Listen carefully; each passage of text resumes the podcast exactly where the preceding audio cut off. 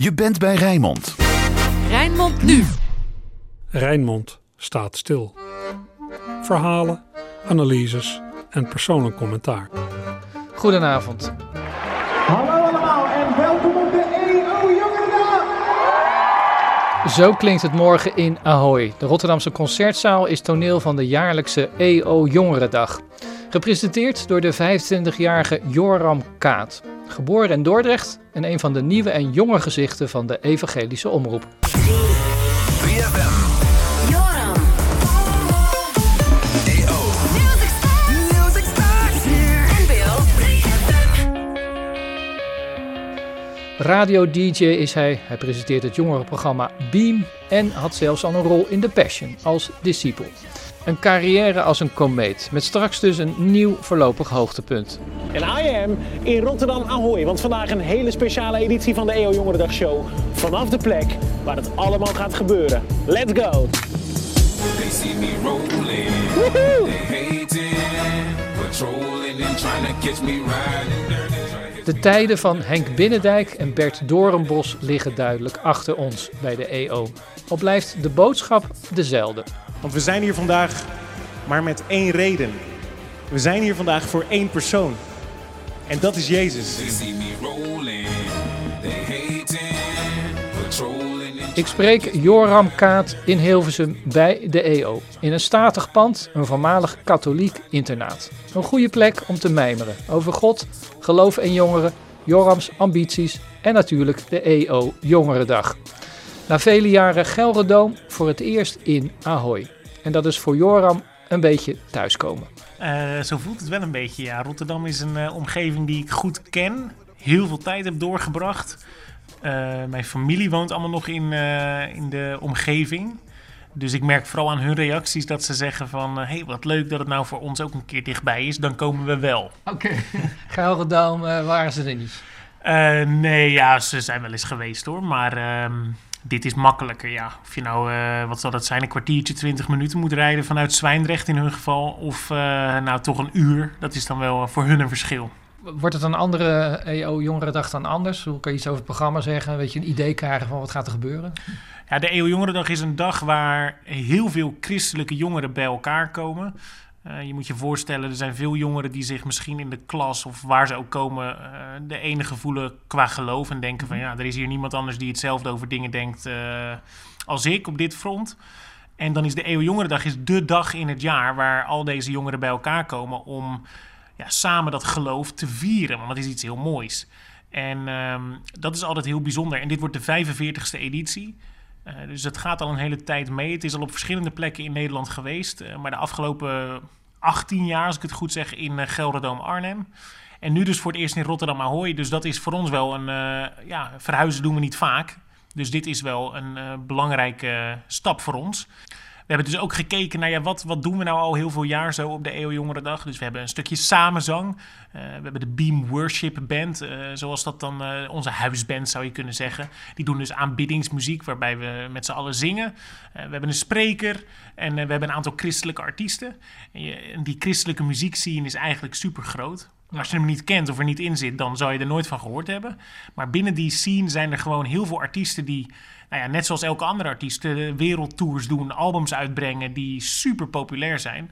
En wij hebben een aantal van die populaire artiesten, die, eh, nou ja, die vliegen we dan in en die komen dan spelen op de Eeuw Jongerendag. Dus dat komt allemaal voorbij.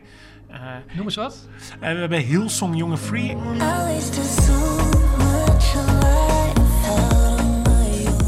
Hillsong is denk ik misschien wel de meest bekende kerk ter wereld. Oorspronkelijk uit Sydney, maar in Australië, maar inmiddels op heel veel plekken op aarde. Onder andere in Amsterdam hebben ze ook een vestiging. En Hillsong Jonge Free is eigenlijk gewoon een groep jongeren van begin 20 die dachten, ja, eh, in de kerk maken ze niet per se de muziek die wij tof vinden. Dus laten we muziek die wij tof vinden gaan maken eh, voor in de kerk.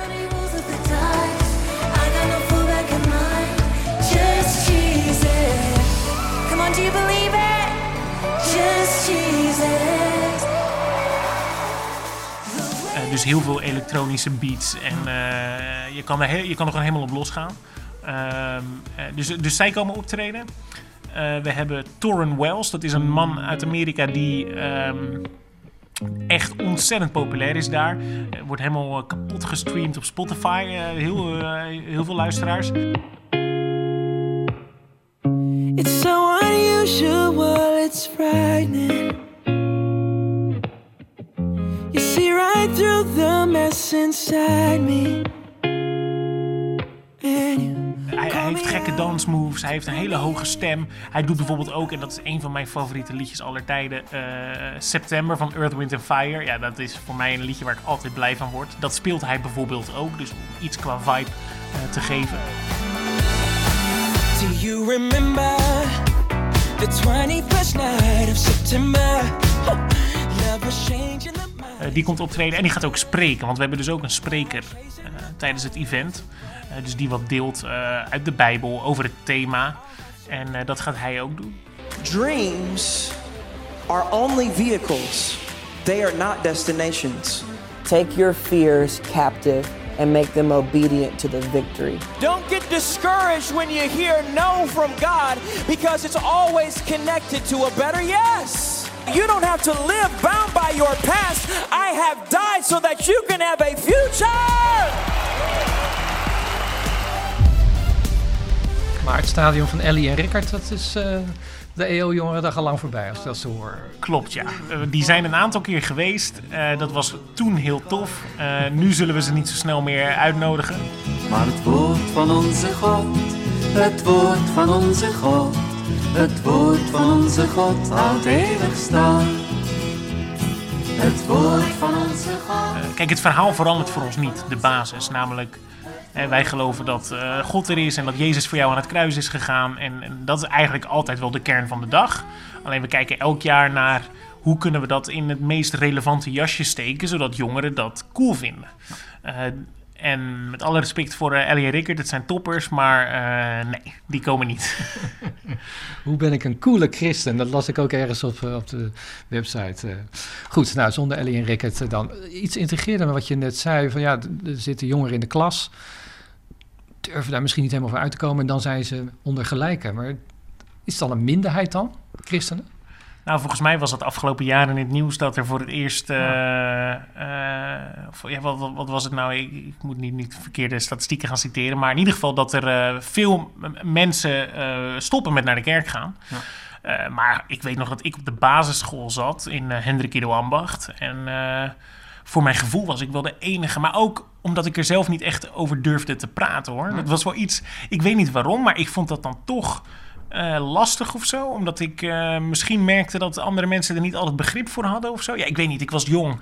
Maar ik weet wel dat ik me wel... eh, ik voelde een verschil tussen, want ik was super actief in de kerk. En dan, dan had ik echt fantastisch, heel veel vriendjes daar en zo. Maar ik voelde wel een verschil tussen eh, mijn leven in de kerk en mijn leven op school of zo. Zonder dat dat heel, eh, iets heel groots was. Maar ik, eh, ja, dus die gelijken die je vindt eh, in de kerk of op de Eeuwjongerendag. Ik had niet de indruk dat die op dat vlak er ook in mijn klas waren. Daarna ben ik naar een evangelische middelbare school gegaan in Rotterdam. De Passie heet dat. Het zit eh, op Zuid. Ja, daar waren heel veel eh, van die mensen. Dat was alsof we gewoon de Eeuwjongerendag bij wiskunde hadden, zeg maar. Ehm, maar eh, ik denk dat het wel heel belangrijk is om dus ja, die gelijken op te zoeken. Omdat je ze niet altijd om je heen hebt. Maar je had het dus al heel jong, als, als kind op de basisschool al, dat je je daartoe aangetrokken voelde. Ja, ik zat best wel in een hele evangelische kerk.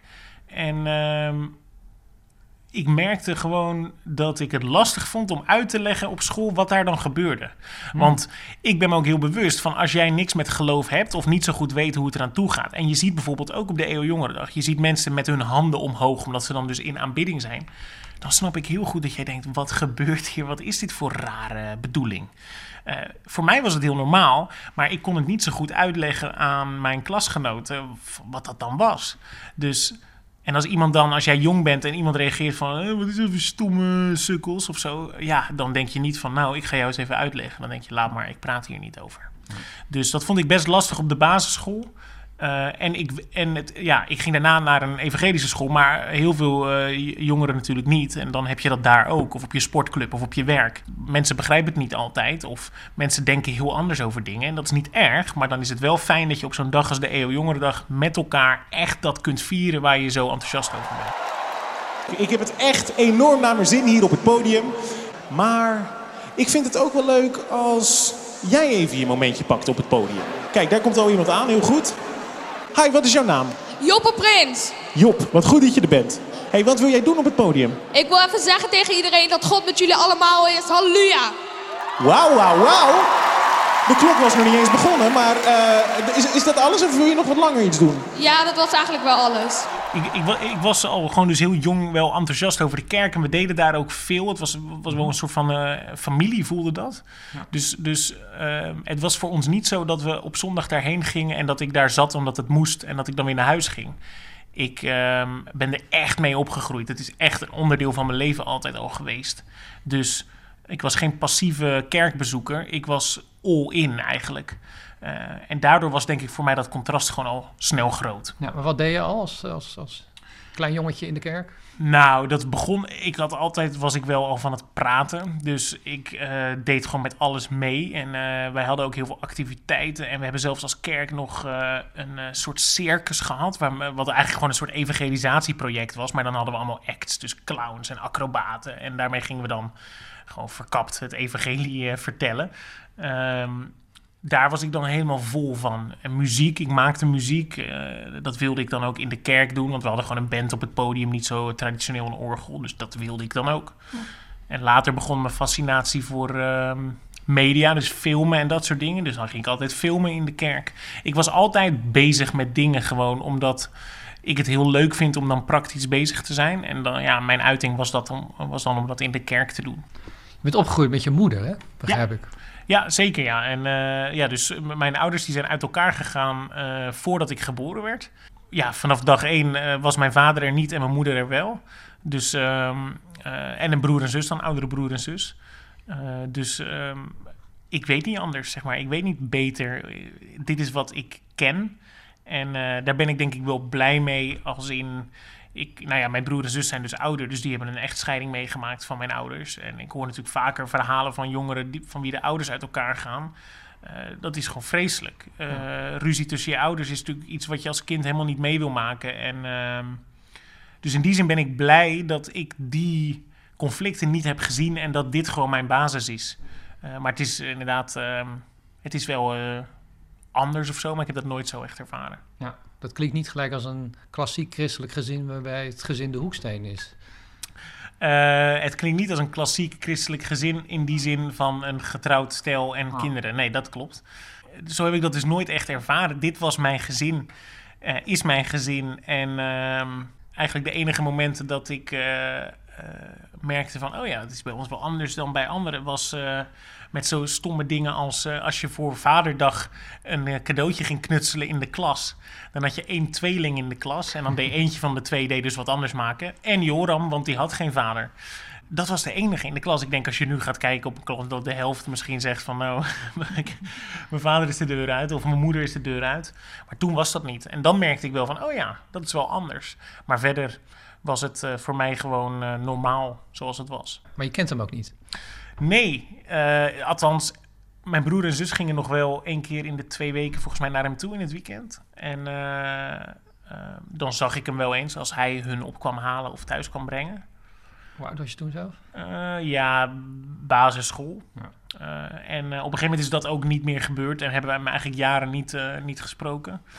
En eh, nu is er wel eens contact hoor, vooral met mijn broer en zus, omdat die, eh, die hebben zelf kinderen. En dan eh, wordt er wel eens wat geappt of zo. Maar ik heb zelf eigenlijk geen contact met hem, nee. Terwijl dat dus wel kan. Het is niet zo dat het een onbekende persoon is die er niet is, want ik kan hem nu gewoon bellen. Dus in die zin is hij heel dichtbij. Maar nee, er is geen contact. Nee, Nee. je- spreekt niet met hem af van joh, we gaan eens wat drinken of we gaan eens een goed gesprek houden. Nee, omdat het is voor mij een vreemde man. Eh, ja, dus ik voel helemaal geen behoefte om met hem af te spreken op emotioneel vlak. Het is wel zo dat ik... ehm, ik kan me dingen afvragen, ja, van hoe zit dat dan? En ik heb natuurlijk het verhaal van mijn moeder gehoord en haar kant. En eh, van mijn broer en zus. En ik heb zelf, eh, weet ik veel, video-opnames gezien of, of, of een idee van hoe het gegaan is. Ik kan wel denken van ik wil nog een keer met hem een gesprek voeren van... Ik wil van hem ook horen hoe dat geweest is. En, eh, en ik zou hem wel vragen willen stellen of zo.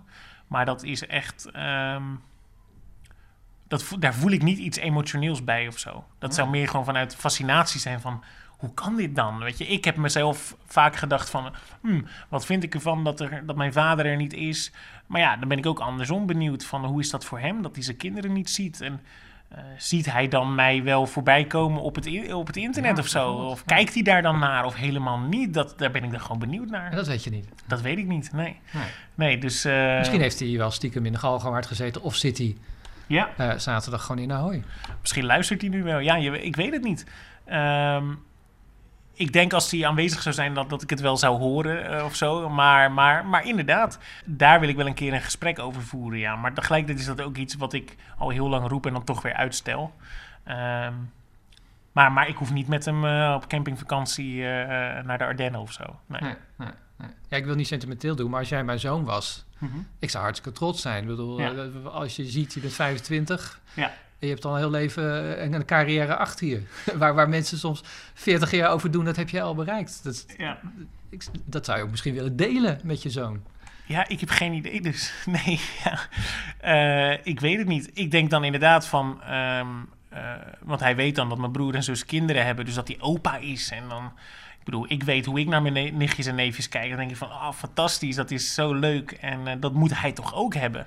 Ehm, dus dus ik, ik weet het niet. Of lijk ik op hem, zou ik, in jouw Precies, positie, ja, dat ja. dat praat. Ik weet, ik ken je moeder niet hoor, misschien Nee. praat hij wel heel veel. Maar dat je zegt, dat had ik van heel kleins af aan, dat, die, die drang en dat actieve en zo. Ja, nee, dat weet ik dus niet. Dat, daar ben ik wel benieuwd naar. Ja, ook eh, omdat, omdat je ook natuurlijk heel veel overneemt, gewoon eh, sowieso van je ouders.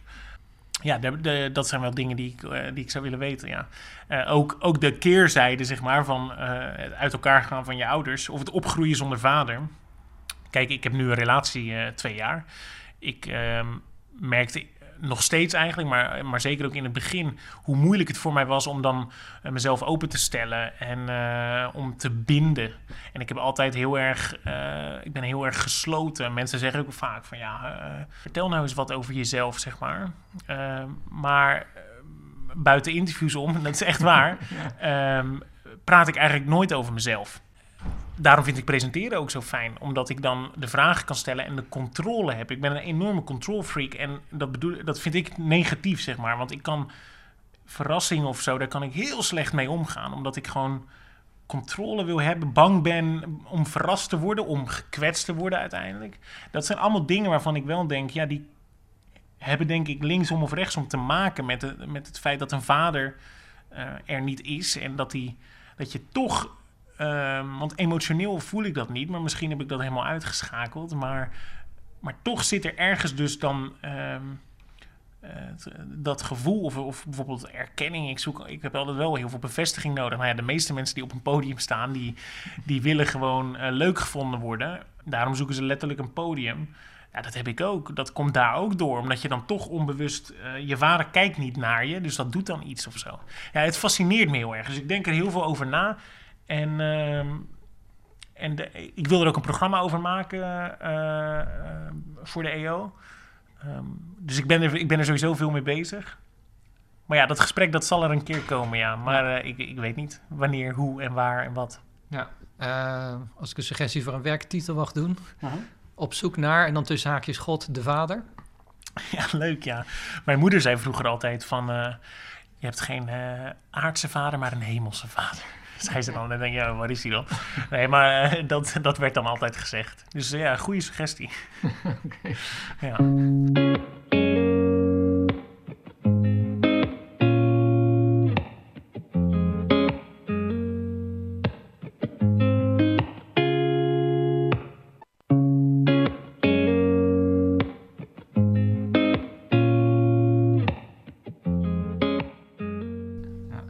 Je moeder, eh, die heeft je het geloof bijgebracht, als ik dat zo hoor. Dus die nam jou als jongetje mee naar de kerk. En, Ja. Ja, wij. ehm, ik heb volgens mij de eerste paar jaar, maar was ik echt nog eh, jong, in een eh, gereformeerde kerk gezeten. En daarna gingen wij naar dus die kerk in Hendrik in Ambacht. Wat ja, evangelisch noem ik het, maar eigenlijk heel vrijzinnig, om het zo te noemen. Ik, weet, ik vind het altijd lastig om die termen... eh, er zijn allemaal van die eh, stromingen, ja. die- ik weet het zelf niet eens. Vrolijk gereformeerd, laten we het daarop houden. Behoorlijk. Ehm, en dat was echt een familie voor ons. Daar kende ik iedereen. Ik kwam bij mensen op de, over de vloer. Mijn moeder zat in allerlei overleggen. En eh, dat, dat was eigenlijk ons leven wel bijna. En dat was echt fantastisch. Dus daar ben ik eigenlijk in opgegroeid. Met, met, met zomerkampen. En eh, we zijn op vakantie gegaan met mensen uit de kerk. Dat, dat was eigenlijk de hele wereld waar wij in zaten. En eh, dat was fantastisch. Maar, eh, nee ja, er is niet echt een maar. Maar uiteindelijk werd ik ouder en ehm, dat ik dacht van ja, wat wil ik nou? Wat wil ik nou eigenlijk? Ik, het was, ik, ik had vroeger ook wel een gevoel van dingen die zo hoorden, dus daarom deden we ze. Eh, en daar wilde ik eigenlijk wel mee afrekenen. Dus, ehm, eh, dus naar die kerk ga ik niet meer. En ehm, eh, nu heb ik eigenlijk helemaal geen vaste kerk. Nee? Nee, omdat... ehm, ja, ik... ik, ik ehm, uit dat gewoon op andere manieren of zo. Ik ga wel hoor, regelmatig en ik, dan vind ik het ook altijd heel erg tof. En ik, ik hou ervan om gewoon er dingen over te horen. Eh, maar zeg maar, die community die het vroeger was, die zo belangrijk voor mij was. Ergens zou ik dat wel weer willen. Tegelijkertijd eh, betekent dat ook weer dat je je er vol in moet storten. En, misschien, en, en dat doe ik niet. Ehm, misschien komt dat wel weer ook later, eh, ja, als ik gezetteld ben en eh, volwassen word. Maar de EO is toch jouw kerk misschien nu, of niet? Ja, nou, de EO is geen kerk, nee. Maar ik ben er hier natuurlijk wel vanuit mijn werk ook veel mee bezig. Al, al is dat natuurlijk ook vanuit een professioneel eh, oogpunt. Dus dat is wel echt anders. Ja. Maar zeker ook rondom de EO Jongerendag, waar ik als presentator ook wel gewoon een inhoudelijke rol heb, eh, ben ik wel heel erg bezig met dat geestelijke aspect. Ja. Ook omdat ik denk van dit is zoiets groots. Dan kan ik echt denken van wat doe ik hier nou als 25-jarige gast die- vroeger hier in de zaal stond als bezoeker en, en nu dan mag presenteren. Dat vind ik iets heel bijzonders waar ik dan wel van denk van wauw. Ehm, dat verhaal zeg maar van hoe dat is gelopen van ik als tiener tot ik nu als presentator. Dat is bijna een boek gewoon. Dat is, Ja. dat is best wel eh, bijzonder. Ja. Eh, dus dan zie ik daar wel iets van God in. Eh, maar dan, ben ik, dan betrek ik dat dus ook wel echt op het geestelijke. Ja, dat ik denk van... eh, ik en mijn collega's die dan met onze laptopjes zo'n dag zitten te organiseren. Ja, dat voelt wel als van ja, wij, wij doen een stukje. Maar uiteindelijk wil je toch dat daar iets bijzonders gebeurt op die dag. En dat jongeren iets van die liefde van God, waar we het dan zo over hebben, dat ze die gaan ervaren of zo. Dus daar komt ook wel voor mij een geestelijk aspect bij kijken. Ja. Nou, even vastbladerend in dat toekomstige boek over jouw leven. Ehm, actieve jongen in de kerk. Eh, altijd al de drang gaat om een podium te zoeken. Eh, dus al heel snel Ja. wist je van ik wil presentator worden of DJ of eh, Ja. ik wil iets met mijn stem. Dat ging heel erg geleidelijk. Ik was dus in de kerk altijd gewoon bezig met. Dat was heel cool aan die kerk. Er was alle ruimte gewoon. Als jij iets op wilde pakken, dan kon dat. En zo was er een eh, vriend van mij en ik. En wij waren altijd bezig met video. En eh, ja, dan waren er gewoon camera's en dan gingen we daarmee filmen. En eindeloos dingen opnemen. En eh, James Bond nadoen of het jeugdjournaal. We deden alles. En ehm, ik was dan degene voor de camera. En, en die vriend Michael, die, die kon monteren. Ik kon dat allemaal helemaal niet. En zo maakten we dan gewoon eindeloos maakten we video's. En ehm, op een gegeven moment weet ik nog dat iemand uit de kerk naar me toe kwam van... ja, Joram, ze zoeken bij de lokale omroep in Zwijndrecht, bij Atos... zoeken ze eh, presentatoren voor een radioprogramma. En ik had echt nog geen seconde aan radio gedacht. Ik luisterde dat wel eens, ik hield, hield heel erg van muziek... maar ik was nooit bezig geweest met het maken van radio. Maar eh, een microfoon eh, presenteren, dus ik dacht, let's go. Handjes in de lucht. 3FM.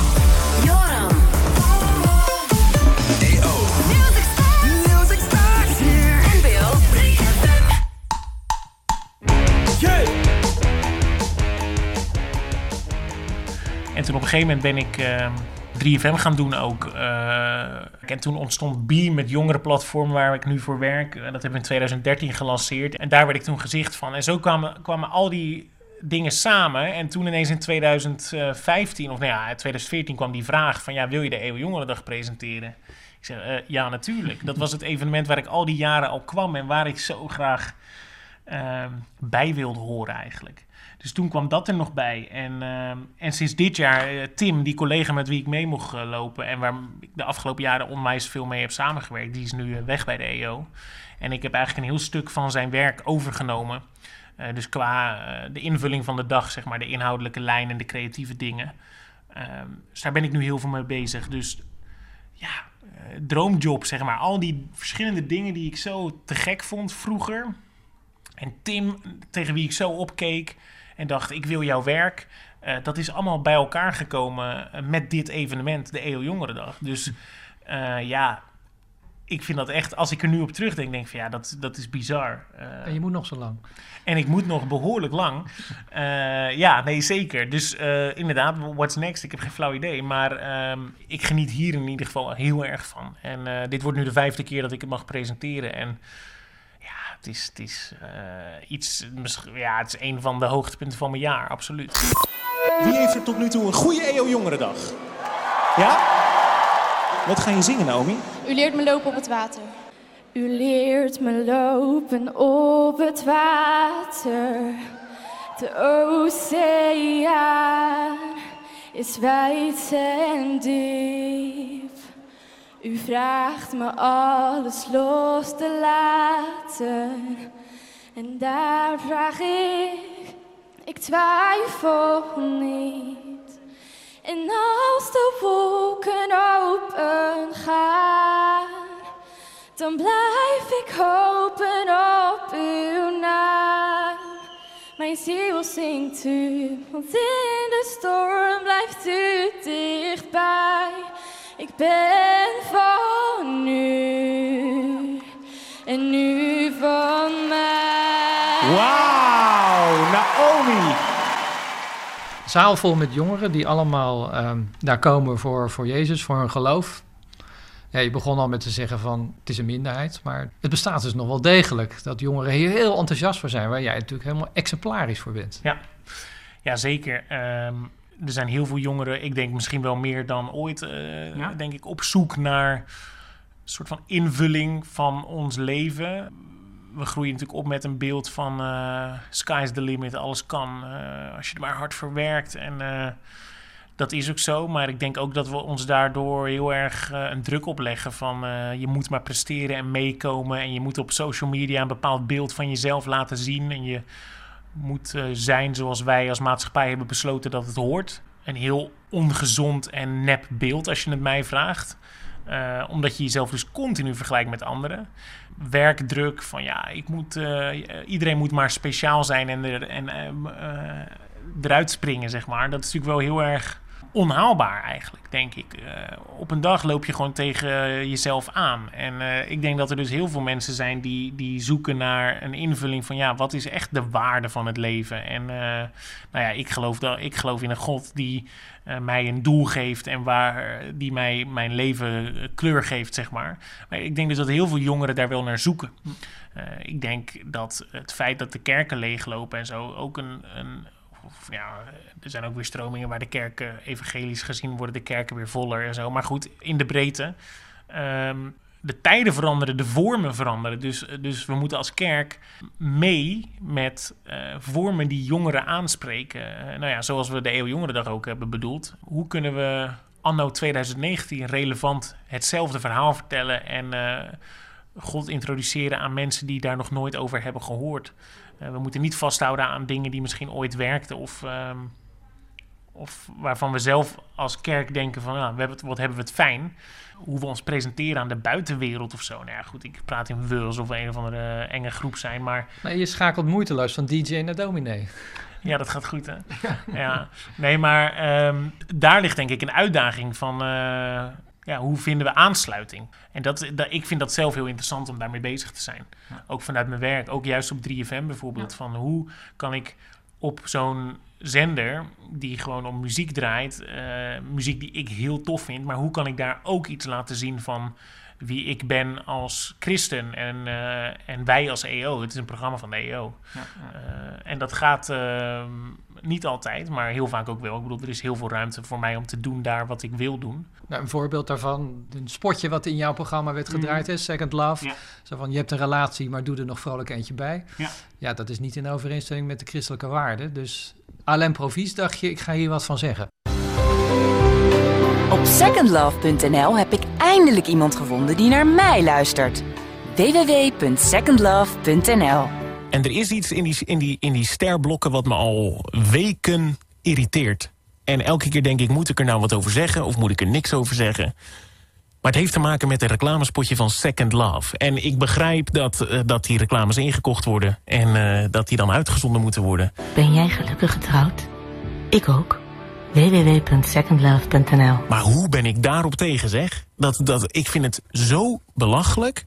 En het is niet alleen dat spotje, het is overal tegenwoordig. Het is maar zo normaal dat als je een relatie hebt... of als je getrouwd bent, dat je er een beetje erbij gaat snabbelen. Hé, hey, wil jij wat extra spanning? Meld je aan. Hé, hey, kom bij ons daten. En ik vind dat zo belachelijk. Heb je een relatie, maar toch behoefte aan aandacht van een ander? Flirten is niet strafbaar. En het irriteert... Ja, goed, zit ik hier te zeiken op de radio... maar het irriteert me echt mateloos. En mocht er iemand luisteren van de ster... doe alsjeblieft dat spotje nooit meer in mijn programma. Doe het maar lekker bij eh, iemand die dat wel ook even. Goed, tot zover. Ik zat gewoon in de studio en eh, het gebeurde al weken, zo niet maanden. En ineens dacht ik, ja, ik, ik, ben, ik wil dit niet. Eh, gewoon omdat ik vind het prima dat zo'n eh, organisatie, zo'n website ehm, eh, er is. Ik bedoel, dat moeten ze helemaal zelf weten. Maar ik vind niet dat dat in mijn, mijn programma eh, gepromoot hoeft te worden. Dus daar heb ik wat van gezegd. En nou ja, het bleek dat meer mensen er zo over dachten. Ook binnen 3FM hoor, want ik heb echt veel reacties gehad van mensen die zeiden van... Hé, blij dat je er wat van zegt. Ehm, dus eh, ja, dat eh, werd toen eh, veel gedeeld, omdat mensen het er gewoon mee eens zijn. Maar goed, het is een lastig verhaal. Ik bedoel, ik heb toen ook contact gehad met de ster die de commercials verzorgt eh, bij, de, bij de publieke omroep. En, ja, eh, adverteerders zijn toch ook bij het publieke omroep vaak wel heilig, hè? Dat is een link om daar tegenaan te schoppen. Precies, ik weet nog dat iemand van de ster zei van ja, ik ben het helemaal met je eens, maar ja, wij bemoeien ons niet inhoudelijk met dit soort gevallen. Kijk, als het echt gaat om racisme en zo natuurlijk, dan, eh, dan is het eh, duidelijk. Eh, maar dit heeft te maken met normen en waarden. Eh, goed, ja, ik heb er wat van gezegd. Eh, dat is alles wat ik kan doen. Eh, inmiddels eh, mag het alleen nog na 9 uur s'avonds. Dus eh, ja, mijn programma zit na 9 uur s'avonds, dus eh, ze weten me nog steeds te vinden. Maar ehm, ja, dat, vind, dat is dan zo'n ding eh, waarvan ik gewoon als persoon denk van ja, eh, ja, niet, van ja, dit vind ik niet tof. En eh, ja, dan, dan zeg ik daar wat van. Ik zou ja, je schakelt moeiteloos tussen DJ en dominee. Heb je wel eens overwogen om dominee te worden? Ging het wel zo ver vroeger? Vroeger stond ik eh, thuis op de stoel en dan eh, had ik zo'n plastic eh, microfoon. toen ik echt klein was. En dan ging ik preken na het eten. En dan moesten mijn broer en mijn zus en mijn moeder moesten blijven zitten. En dan ging ik preken. Dus ehm, misschien begon het wel met dominee en werd het uiteindelijk DJ. ik zou nu niet dominee willen zijn. Maar ik heb wel pas gepreekt in een kerk. Voor het eerst. En dat vond ik doodeng, maar ook heel erg leuk. Ja, omdat... Kijk, er zijn gewoon heel veel dominees die zijn heel goed op de inhoud. Maar je valt in slaap als je zit te luisteren gewoon. En zeker als jongere, dat ik denk, mijn hemel joh, ik word gek. Nou ja, en ik ben eerder andersom van, ik weet goed hoe ik een verhaal moet vertellen. Ik moet alleen de inhoud eh, dan eh, goed voorbereiden. Maar dan vind ik het heel leuk om... ehm, op een andere vorm, op een andere manier eh, dan eh, zo'n boodschap te brengen. Nou, dus dat vind ik heel leuk. Maar echt dominee, dat is volgens mij echt een heel erg onderschat eh, beroep. Ik denk niet dat ik het zou kunnen, nee. Nee, maar je combineert het op deze manier toch wel heel mooi. Ja, nou ja, ik kan gewoon praten waar ik enthousiast over ben. En vanuit de EO is, is alle supporter zeker. Dus ja, ik hoop dat daar mooie dingen uitkomen in de toekomst. Ja, EO is ook wel heel erg veranderd. Hè? Als ik kijk naar mijn jeugd toen ik zo Mhm. oud was als jij, was het evangelische omroep echt wel anders dan tegenwoordig.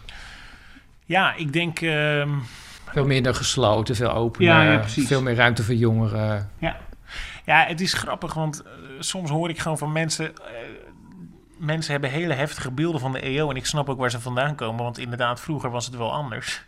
Ik heb dat nooit zo... Want ik krijg die, die opmerking wel eens van... Gast, wat doe jij bij de EO, joh? Eh, dan zeg ik, nou ja, het is echt een topclub eigenlijk. En dat, dat meen ik ook echt. Van, eh, alle ruimte is hier. Ik heb nog nooit gehad dat mensen zeiden van... eh, wat je daar zei in dat filmpje. En ik kan echt soms lompe dingen zeggen hoor. Eh, dat ze zeggen, oeh, dat kan. Dat, eh, dat vinden wij niet tof als EO. Of... eh, dat je, eh, dat je wordt geremd in bepaalde onderwerpen. Ehm, nee, ik eh, ervaar dat helemaal niet zo. Ehm, er wordt juist hier ook als collega's onderling superveel gepraat over, over de, de moeilijke onderwerpen. En ehm, ik ervaar daar alle ruimte voor, ja. We dachten dat de wetenschap ons kon vertellen hoe de werkelijkheid in elkaar zit. En dat de reden God kon vervangen. Maar dat is nog niet gelukt. Is er dan toch meer dan we kunnen verklaren? Ja, God bestaat. Maar ik denk daar anders over dan mensen die in God geloven. Namelijk, ik denk dat wij mensen God hebben geschapen en niet andersom.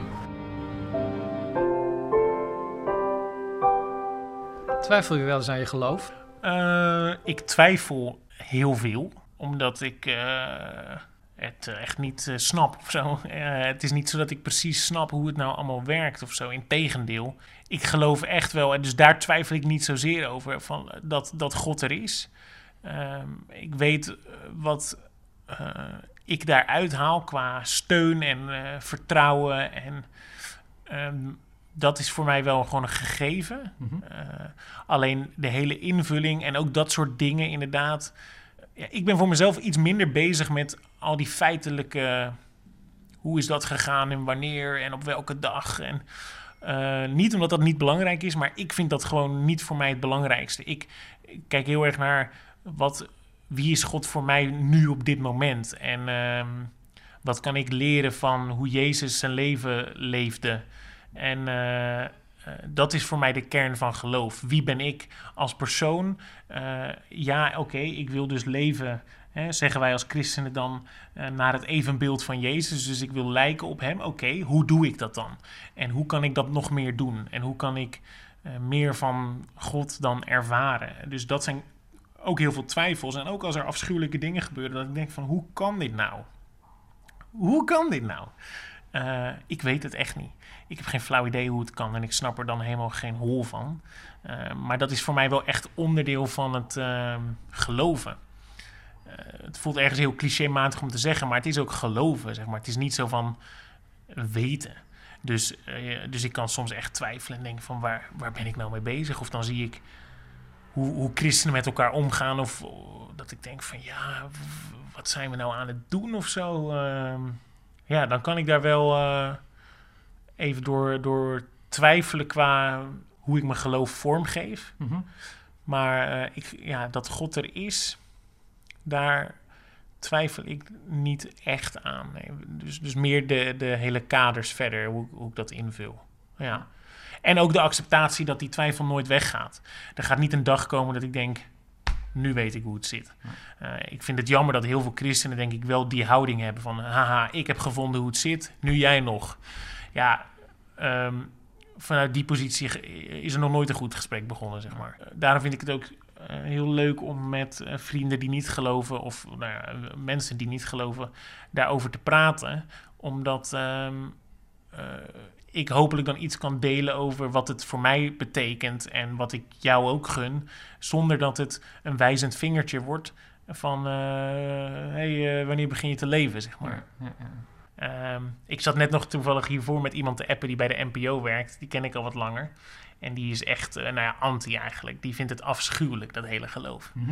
Dus, eh, maar goed, qua werk heb ik er dan mee te maken. En, eh, maar wij accepteren dat gewoon, dat we gewoon 100% verschillend zijn. Dus dan heb ik hem net ook van, hey, kom je nog naar de jongerendag? Eh zou wel goed voor je zijn, hè? Dan zegt hij van, nou, ik ga nog liever dood. En, nou ja, dat, dat vind ik gewoon grappig, dat je daar ook grappen over kan maken. Ehm, terwijl we op andere momenten daar heel inhoudelijk over kunnen praten. Van, hey, wat betekent dat nou voor mij? En hoezo heb jij daar nou zo'n afkeer van? Maar we kunnen daar ook, denk ik, gewoon luchtig mee omgaan. Zou je eh, de nieuwe Andries Knijvel willen worden van de EO misschien? Dus dat je eh, op een gegeven moment de fase gaat afsluiten van de jonge hond. Maar dat je dan met een knapperend haardvuur gesprekken gaat zitten voeren? Eh, als dat betekent de nieuwe Andries Knevel, dan 100% ja. Ja, nee, absoluut. Ik hou heel erg van, eh, daarom vind ik dit ook leuk. Gewoon, nou, nu, ben, nu is het wel een vrij eenzijdig gesprek, moet ik eerlijk bekennen. Maar ik hou heel erg van ehm, eh, het gesprek. En eh, wat ik nu maak is vooral eh, vaak heel eh, snel en eh, luchtig en eh goede grap erbij. Eh, maar ik hou ook heel erg van eh, de inhoud. En het beste is denk ik om dat te combineren. Dus om in vorm heel erg luchtig en eh, eh, lachen te zijn, maar wel ook ehm, daaronder een boodschap te hebben of eh, iets te willen vertellen. Ehm, dus de nieuwe Andries Knevel. Ja, ik weet niet of dat mijn titel moet gaan worden. Maar eh, ja, gesprekken rondom het haardvuur, daar hou ik wel van. Ja. Weet je al hoe je de jongerendag gaat openen? Of dat je er misschien nog een, een eigen boodschap mee gaat geven? Ja, zeker. Ja, ook omdat ik dus dit jaar zo bezig ben met eh, de, het programma aan zich, eh, weet ik eh, precies eh, eh, hoe we de dag gaan openen. En dat is met eigenlijk heel veel. Eh, kijk, een van de redenen dat we voor het thema Beam the Light gingen. Beam heet ons jongerenmerk, maar dat staat voor het stralen van. Ja, wij, geloven van het licht van Jezus dat straalt op ons. Maar wij als christenen hebben ook de taak om dat licht eh, te schijnen op aarde. Dus oké, eh, als wij zo enthousiast zijn over Jezus en zijn, zijn waarde en hoe hij is, dan moeten we dat ook laten zien. En eh, een reden om het weer heel erg. Want eigenlijk is dat de essentie gewoon van het evangelie. Dat Jezus kwam en het licht kwam. Eh, maar we gaan eigenlijk weer terug naar die soort van basis. Omdat wij hebben als Beam heel veel direct contact met onze community. We hebben echt een community van, eh, nou ja, we hebben maandelijks eh, meer dan 300.000 bezoekers op onze site. Dat zijn jongeren die we, niet allemaal, maar wel ook spreken. We hebben bijvoorbeeld WhatsApp-lijsten. Dus heel veel eh, direct contact. En je merkt gewoon eigenlijk, mede ook door wat ik eerder al zei over social media en zo, dat er wel een soort van duisternis is. Ook als je de cijfers leest over depressie, burn-out, eenzaamheid, dat zijn stijgende cijfers.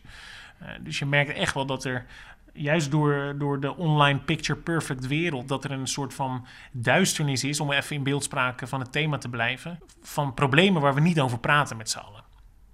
En eh, eh, zo begint de jongerendag dus ook dat we quotes horen eigenlijk van jongeren die, die uitspreken waar ze tegenaan lopen. En dan komt eigenlijk het licht, want het thema is Beam the Light, komt er heel hard in met een liedje met onze worship band. En eh, dan op een gegeven moment ehm, kom ik op en ehm, eh, ja, vertel ik daar ook wat over. Over ehm, hoe we altijd vast kunnen houden aan dat licht. Hoe lastig dat soms ook is om te doen. Maar ik wil juist, dat zie ik ook wel als mijn rol. Van ik ben niet de dominee die het allemaal eh, eh, op een rijtje heeft. Maar ik ben gewoon een twijfelende jongere. Net zoals dat al die jongeren in de zaal twijfelen en problemen hebben en onzeker zijn en pijn hebben. Eh, dat zie ik een beetje als mijn rol. Dus ik probeer altijd vanuit, de, vanuit die twijfel een soort van eh, iets te delen. Mag ik je heel veel succes wensen? Ja, zeker. In, in ja. je eigen Rotterdam. In mijn eigen Rotterdam. Nou, dat voelt wel heel groots om te zeggen. Maar ik vind het fantastisch dat het nu in eh, Rotterdam is. En eh, ik heb er zin in. Dankjewel.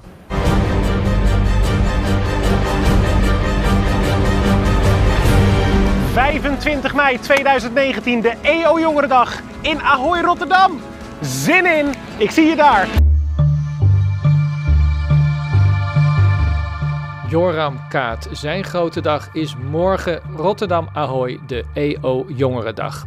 Wil je het interview terugluisteren? Ga naar de website rijnmond.nl of de podcast. Nog een prettige avond.